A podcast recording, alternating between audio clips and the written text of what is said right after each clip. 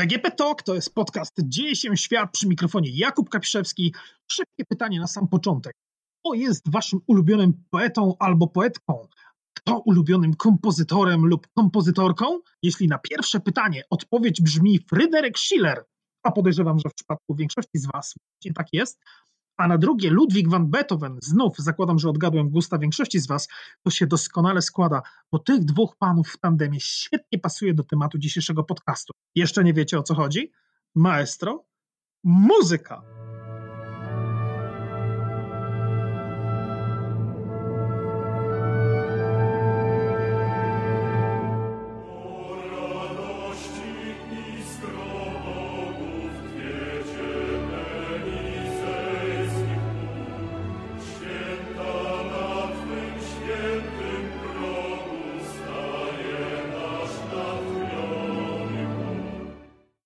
Podniosłym akcentem chciałem wprowadzić Was w odcinek poświęcony polsko-węgierskiej szarży w Brukseli, bo chociaż pewnie każdy z Was mniej więcej wie o co chodzi, a mianowicie, że Warszawa do spółki z Budapesztem stanęły okoniem w Unii Europejskiej oraz że w tle są jakieś duże pieniądze oraz spór o praworządność, to jednak labirynt unijnej polityki bywa na tyle zakręcony, że uznaliśmy, że warto będzie pokazać Wam chociaż w którym kierunku jest wejście.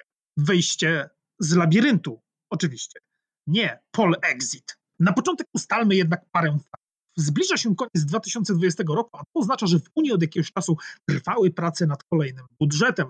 Kiedy jednak mówimy o unijnym budżecie, możemy mieć na myśli dwie różne rzeczy. Budżet na dany rok oraz tak zwane wieloletnie ramy finansowe, zwane również perspektywą finansową, czyli całość wydatków unijnych na następnych 7 lat. Dzisiaj będziemy się odnosić do tego drugiego znaczenia, bo wraz z końcem roku wygasa perspektywa na lata 2014-2020. Od 1 stycznia powinna zacząć obowiązywać nowa na lata 2021-2027. Kiedy jednak urzędnicy w komisji siadali do prac nad nową perspektywą, w Unii trwał już spór o praworządność. Przypomnijmy, chodzi o zarzut, jakoby w Polsce i na Węgrzech nie uznawano wartości zapisanych w unijnych traktatach, nie respektując m.in. autonomii, jaka powinna przysługiwać wymiarowi sprawiedliwości. W skrócie mówi się, że w Polsce nie dochowuje się standardu rządów prawa. Stąd właśnie spór o praworządność. Jeśli ostatnich sześciu lat nie spędziliście pod jakimś kamieniem, na pewno coś wam się obiło o uszy. Ale jeśli nie jesteście pewni, co właściwie działo się w tej sprawie, to najważniejszy z waszego punktu widzenia jest wniosek. Niewiele. Tak, niewiele. Obłożenie sankcjami krajów nierespektujących unijnych wartości, słynna procedura z artykułu 7, wymaga bowiem jednomyślnej decyzji Rady Europejskiej, a więc zgromadzenia szefów rządów państw europejskich Ewidentnie mechanizm nie został jednak pomyślany na wypadek, gdyby dwa kraje jednocześnie łamały jakieś wartości, bo na sankcje wobec Węgier nie zgadzamy się my, a na sankcje wobec nas nie zgadzają się Węgry. Wobec tego w Unii już od dawna mówi się o tym, że aby wymusić dyscyplinę w tym względzie, potrzeba jakiejś formy powiązania wypłaty funduszy europejskich z praworządnością. Innymi słowy mówiąc, jak nie przejmujecie trybunału, to kasa jest. Przejmujecie trybunał, kasy nie ma. Z przyczyn politycznych było to jednak bardzo trudne, stąd obecny ambaras, którego jednak nie będę tłumaczył sam, ale sięgnę po pomoc naszej korespondentki w Brukseli, Magdaleny Cedro. Halo, halo Magdo? Dzień dobry. Magda, na pewno nasi słuchacze coś słyszeli o jakimś wecie. Co żeśmy właściwie z tymi Węgrami w Brukseli zawetowali? Zawetowaliśmy budżet siedmioletni na lata 2021 do 2027 roku Polskie weto obejmuje również Fundusz Odbudowy, który ma wesprzeć gospodarki europejskie w wychodzeniu z kryzysu związanego z pandemią koronawirusa. Czyli taki specjalny budżet, tak jakby budżet obok budżetu. Ekstra kasa na to, żeby postawić Europę na nogi po pandemii. Łącznie daje to największe pieniądze, jakie kiedykolwiek miała Bruksela do wydania. Ale zawetowaliśmy tak jakby tą kasę. A co z tą praworządnością? Praworządności zawetować nie mogliśmy, ponieważ rozporządzenie w tej sprawie głosowane jest większością kwalifikowaną i tu sprzeciw Polski i Węgier nie wystarczy, żeby zablokować powiązanie funduszy z praworządnością. Warto też powiedzieć, że nawet jeżeli Polska i Węgry będą się upierać przy swoim wecie, to i tak nie będą w stanie powstrzymać tego powiązania, ponieważ rozporządzenie od 1 stycznia, jeżeli rzeczywiście dojdzie do tego ostatecznego głosowania, będzie obowiązywać to jest właśnie ten unijny labirynt, o którym była mowa. Bo generalnie, popraw mnie, jeśli jestem w błędzie, ale myśmy się na to powiązanie wypłaty funduszy unijnych z praworządnością już zgodzili w lipcu. Tak jest. Na szczycie, który trwał bardzo długo, cztery dni, prawie otarł się unijny rekord. Rzeczywiście jednomyślnie zostały przyjęte w konkluzjach zapisy dotyczące powiązania funduszy z praworządnością. Tylko, że diabeł tkwi w szczegółach, ponieważ to było porozumienie polityczne. Natomiast później prezydencja niemiecka e, miała za zadanie przełożyć to polityczne porozumienie na język prawny i zaproponowała kompromis. Innymi słowy mówiąc, Rada Europejska trochę działa jak zarząd w firmie. Spotyka się grupa panów, jest mało pań i mówią: Słuchajcie, teraz musimy zrobić to. I potem wydają dyspozycję tym ludziom na dole, żeby jakoś ubrali to w konkretny język i w konkretne rozwiązania. Dokładnie tak. Zgadzam się również z tym, że jest całkiem mało pań w Radzie Europejskiej. To prawda, to jest jeden, jedna rzecz, która się nie zmienia. Tak jest. I w tym wypadku tymi robotnikami, którzy mieli pomysł zarządu przetłumaczyć na język operacyjny, jak to się mówi w firmach, była tak naprawdę Niemcy, które sprawują rotującą prezydencję w Radzie Unii Europejskiej. Tak jest. Niemcy zaproponowały coś, co wydaje mi się było bardzo na rękę Polsce i Węgrom, mianowicie z tytułu rozporządzenia, z jego nazwy, wykreślono słowo praworządność. Czyli nie był to już mechanizm praworządnościowy, tylko mechanizm mający na celu ochronę interesów budżetowych Unii Europejskiej. Czyli każde przewinienie kraju, które podlegałoby temu rozporządzeniu, musiałoby naruszać interes finansowy wszystkich krajów członkowskich, całego budżetu Unii Europejskiej. Nie wystarczyłoby więc na przykład udowodnienie, że Polska łamie praworządność, zmieniając ustawy sądowe. Trzeba by było jeszcze udowodnić, że Polska w ten sposób naruszyła interes Unii Europejskiej. Jak rozumiem, to byłoby bardzo trudne do wykazania, no bo jak powiązać fakt zmian strukturalnych, instytucjonalnych, nie wiem, w obrębie Sądu Najwyższego z unijnymi pieniędzmi? Tak, dużo większy powód do zmartwienia miałyby Węgry, ponieważ od lat mówi się o tym, że dochodzi tam do nadużyć finansowych, że europejskie pieniądze są tam defraudowane i chodzi również o przewinienia na najwyższych szczytach władzy. Tego natomiast w Polsce nie ma, ponieważ rząd się chwali i tu pełna zgoda, że wydawanie pieniędzy idzie nam świetnie i żadnych nadużyć do tej pory Polsce nie wykazano. Magda, powiedz, czy możemy zaryzykować takie stwierdzenie, że w ostateczności po tam kilkunastu rundach negocjacyjnych i po latach tego całego sporu powstał pomysł, który jest trochę bezzębny. To prawda. Chociaż ostatecznie, gdy Niemcy napisały swój projekt, musiały również go wynegocjować z Parlamentem Europejskim. I Parlament Europejski uparł się, żeby praworządność powróciła do tytułu rozporządzenia.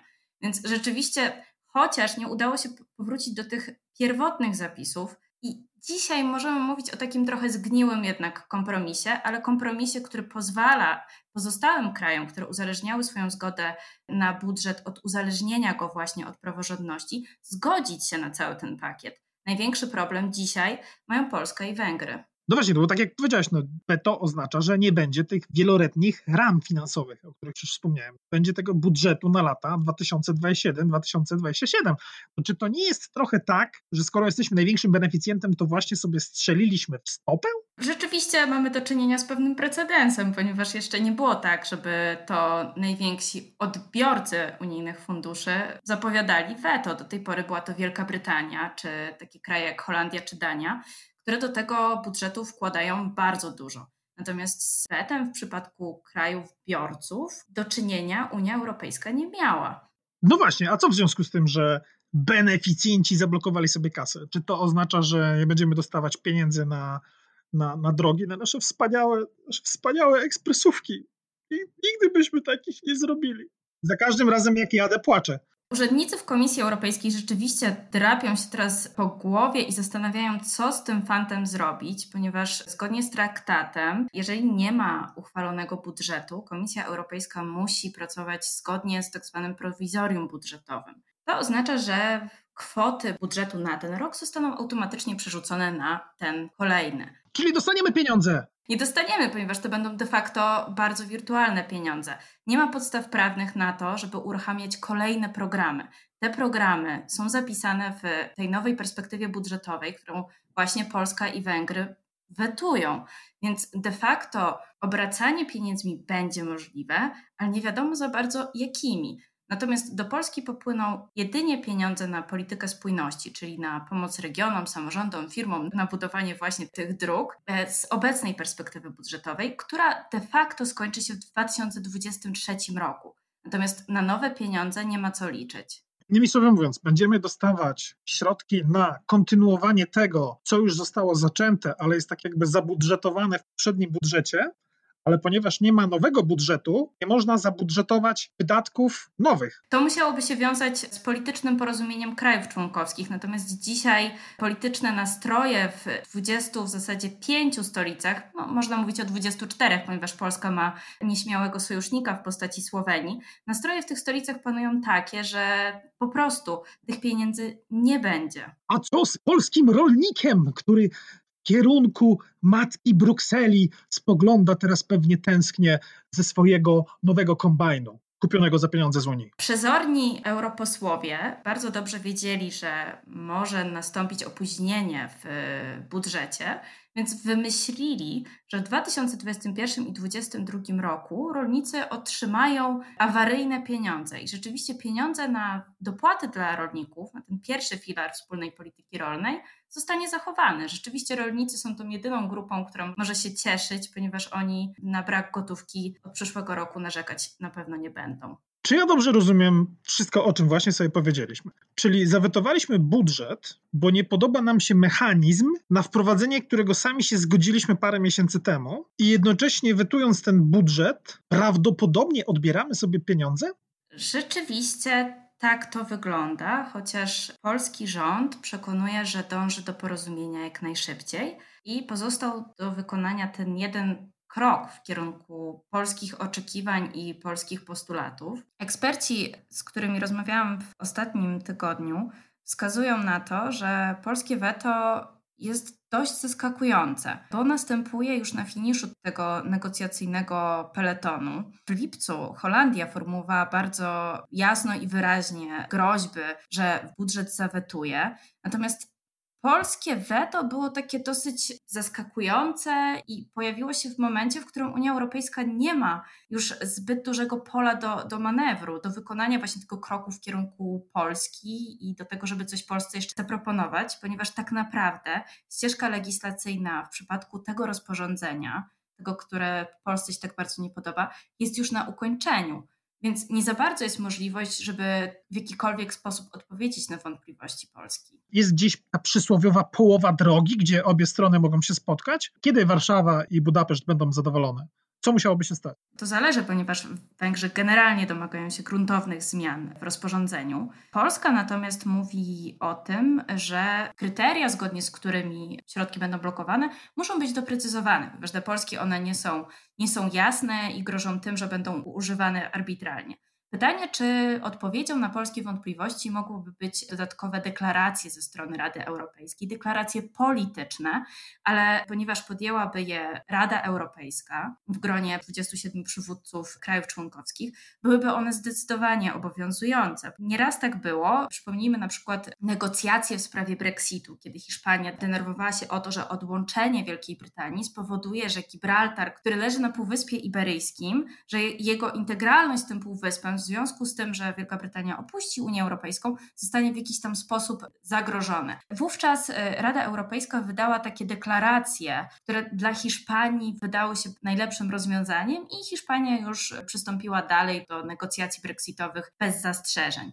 Pytanie, czy coś takiego, deklaracje o podobnym kształcie, podobnym wydźwięku podjęte przez Radę Europejską, byłyby dla Polski i Węgier satysfakcjonujące. Innymi słowy, Rada Europejska miałaby takie oczko do nas puścić. Hej, pst, kid, rule of law.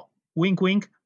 Dokładnie, dokładnie. Chodzi o chyba o, dopuszczenie oczka. A na ile oceniasz prawdopodobieństwo scenariusza, że kraje europejskie teraz zmówią się między sobą i uchwalą sobie ten fundusz pokoronawirusowej odbudowy na drodze jakiegoś porozumienia międzyrządowego, tak jak było z Europejskim Mechanizmem Stabilizacyjnym po wecie Wielkiej Brytanii? Na razie nikt nie mówi oficjalnie o takiej możliwości. Na pewno w rozmowach pojawi się to jako możliwa groźba wobec Polski i Węgier, ponieważ one jako te wetujące kraje byłyby z takiego funduszu wyłączone. Natomiast bardzo możliwe jest, że wola polityczna, by coś takiego uchwalić, się znajdzie i to znajdzie się bardzo szybko. To wymagałoby żmudnej pracy, ponieważ Komisja Europejska znowu od początku musiałaby napisać projekt i musiałaby w nieco inny sposób uzyskać gwarancję na uzyskanie pożyczek na Fundusz Odbudowy na rynkach. Natomiast ponieważ jest bardzo silna wola wśród 24 krajów, to wydaje mi się, że to jest alternatywa bardzo realna. To się da zrobić. Unia może to zrobić, tylko że wówczas ta integracja europejska no, byłaby naruszona. Jednak Unia Europejska, pamiętajmy o tym, miała w przeciągu mijającej dekady bardzo, bardzo wiele kryzysów i w zasadzie z tymi kryzysami sobie dawała świetnie radę. Bardzo możliwe, że i z tym kryzysem Unia sobie poradzi. Słyszysz, Mark? Mówię teraz do premiera Holandii.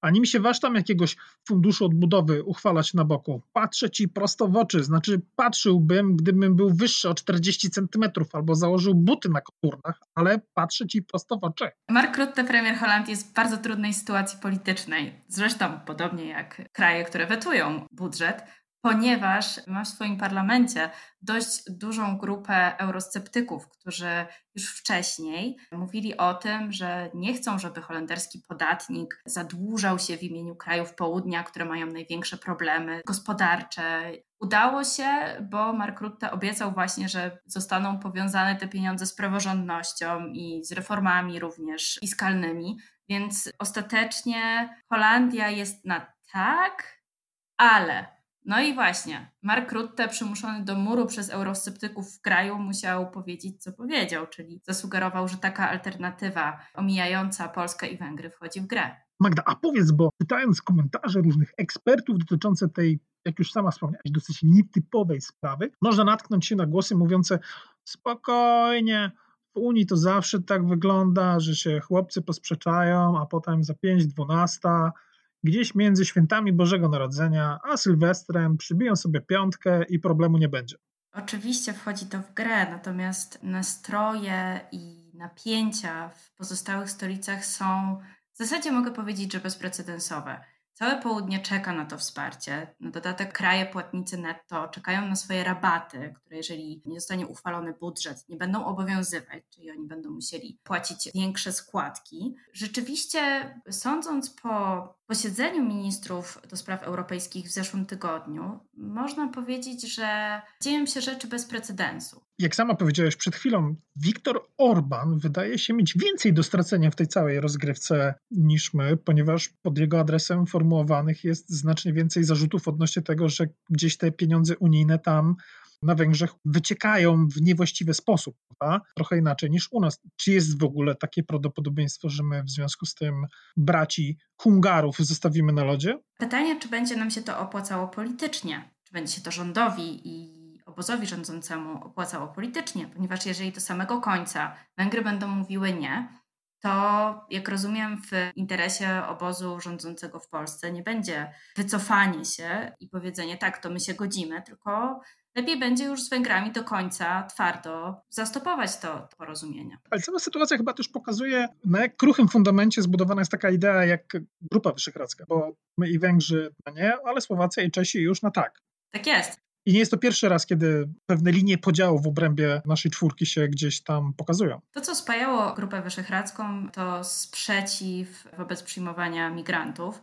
Natomiast w bardzo wielu innych kwestiach kraje te mają po prostu zupełnie inne poglądy i stanowiska. Najlepszym przykładem tego, jakie są podziały w Grupie Wyszehradzkiej jest y, neutralność klimatyczna, ponieważ trzy kraje mają zupełnie inne zdanie niż Polska i przypomnijmy, Polska była jedynym krajem, który zawetowała porozumienie polityczne chciała zawetować porozumienie polityczne, a ostatecznie została wskazana w konkluzjach jako ten jedyny kraj, który nie będzie zobowiązany do dążenia do neutralności klimatycznej. Pozostałe trzy kraje nie miały nic przeciwko. Innymi słowy mówiąc, obie strony okopały się na swoich stanowiskach, a na rozwiązanie sporu przyjdzie nam jeszcze poczekać. Magdalena Cedrom, koneserka brukselskiej polityki i miłośniczka facebookowego profilu Dyrekcji Generalnej do Spraw Memów. Naprawdę, nie możecie się nazywać brukselskimi nerdami, jeśli nie znacie tego profilu na Facebooku. Dziękuję bardzo. To był podcast DGP Talk. Dzieje się świat przy mikrofonie Kapiszewski Jakub. Do usłyszenia w następnym odcinku.